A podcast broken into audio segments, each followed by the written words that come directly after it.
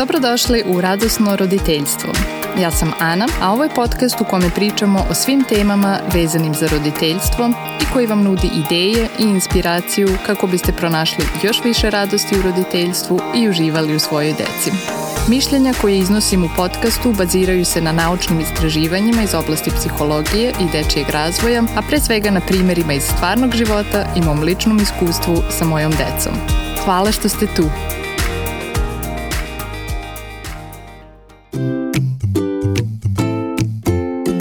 Danas ćemo pričati o tome zašto deca lažu i šta možete da uradite u vezi sa tim. Ako vaša deca lažu ili se brinete da će se to dogoditi u budućnosti, a sigurno hoće jer sva deca to rade, ova epizoda je za vas. Laganje je nešto što kod mnogih roditelja izaziva burnu reakciju i često je manje važno na šta se sama detetova laž odnosi. Ako nas dete recimo slaže da je opralo zube, nismo toliko ljuti što dete nije opralo zube, već zbog činjenice da nas je slagalo. Pre svega, laganje je normalna pojava kod dece i normalan deo njihovog razvojnog procesa.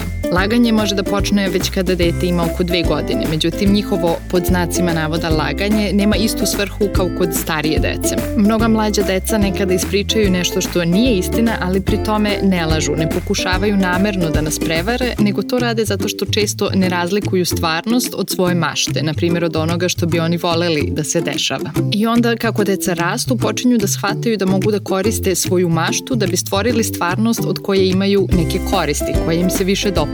To je sledeći korak laganja. Ne želim nešto da uradim ili ne želim nešto da znaš, pa ću ti reći samo delimičnu istinu ili potpuno drugačiju istinu. Deca još nisu jako sofisticirana što se tiče laganja, možda će vam dete reći nešto poput nisam ja pojao slatkiše, iako vi vidite da ima puno usta. Takođe, ponekad laganje pomaže detetu da se nosi sa snažnim osjećanjima, da na nekoga usmeri svoje emocije, pa kaže, na primjer, nekome ti si pokvarila moj autić, iako to nije tačno. Dakle, deca ovog uzrasta jednostavno pokušavaju da svojim mislima i svojom maštom promene stvarnost. Malo starija deca u uzrastu oko 4-5 godina počinju da razvijaju kompleksnije moždane funkcije, počinju da shvataju da drugi ljudi imaju drugačije mišljenje i informacije od njih. To je nešto što mlađe deca još uvek ne mogu. Mlađe deca još nemaju svest o tome da drugi ljudi mogu imati drugačija mišljenja, osjećanja ili želje od njih ili da vide nešto što oni ne vide. Zato se, na primjer, desi da kada se igramo žmurke sa mlađim detetom, ono stavi sebi nešto na glavu i misli da se odlično sakrilo i da ga mi ne vidimo.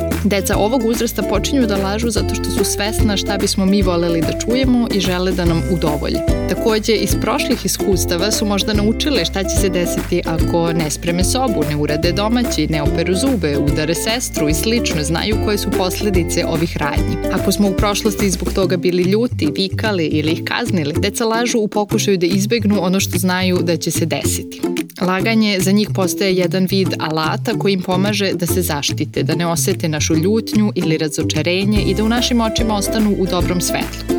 Ako nam kažu da su dobili lošu ocenu ili su udarili sestru ili da nisu uradili domaći, ako nam kažu istinu i ako očekuju da ćemo se naljutiti, onda misle da je jednostavnije i bezbolnije ako istinu ne podele sa nama. Sve ovo je apsolutno normalno i predstavlja deo odrastanja. Drugim rečima nije pitanje da li će se laganje desiti, nego kada će se desiti i kako ćemo mi tada reagovati.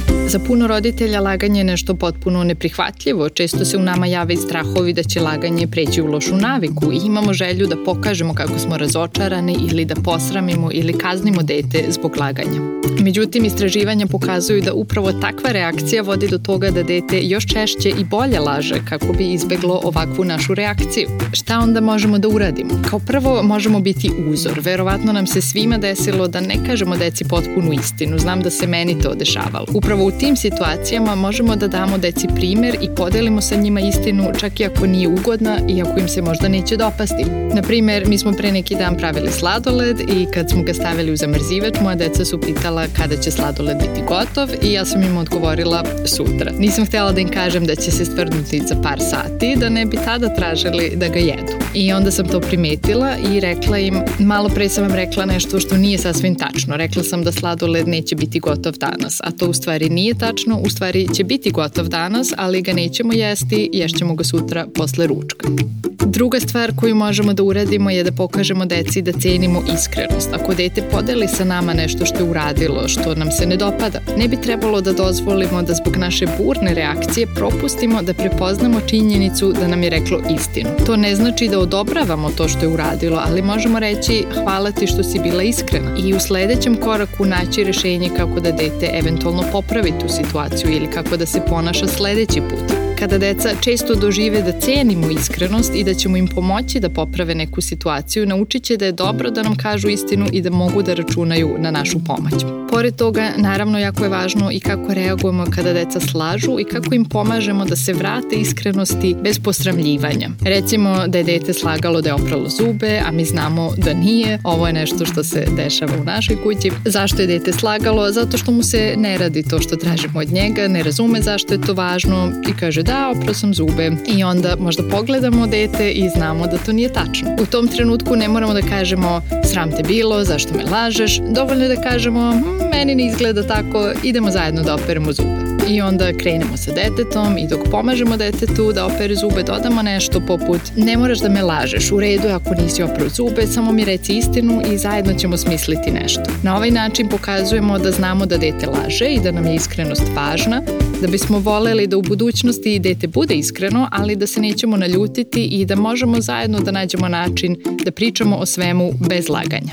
Rekli smo na početku epizode da mnogi roditelji burnije reaguju na laganje nego na situaciju zbog koje deca lažu. Moj savjet je da u razgovoru brže dođemo do same situacije, da se ne fokusiramo toliko na laž, da i ne pridajemo preveliki značaj. Da očekujemo da deca budu iskrena i da objasnit ćemo im da kada ne govore istinu ne znamo kada možemo da im verujemo, a to je jako važno. I u isto vreme razumemo da svi ponekad greše i žele te greške da prikriju, tako da ne moramo da reagujemo previše intenzivno. Ovo je nešto što je jako važno u ranim godinama, jer što su deca starija, laži će biti ozbiljnije. Ako nas tinejdžer slaže, to će biti nešto mnogo ozbiljnije od pranja zuba. Ako naš tinejdžer donese neku lošu odluku ili upadne u nekakvu nevolju i ne poveri nam se jer zna da ćemo burno reagovati, onda nam se najverovatnije ni neće obratiti za pomoć. Zbog toga mislim da je važno da deci što ranije i što češće počnemo da pokazujemo da cenimo istinu i da možemo da se nosimo sa njom, jer to će stvoriti osnove za povezanost i poverenje i iskren odnos sa detetom u svim narednim godinama.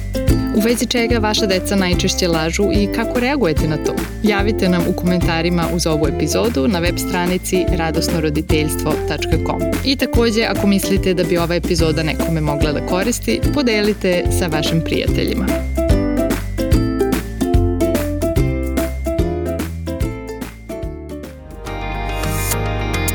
Hvala što ste slušali Radosno roditeljstvo. Ako imate neko pitanje, predlog ili samo želite da mi se javite, pošaljite mi e-mail na adresu podcast.radosnoroditeljstvo.com ili popunite kontakt formular na web stranici radosnoroditeljstvo.com. Čujemo se za dve nedelje.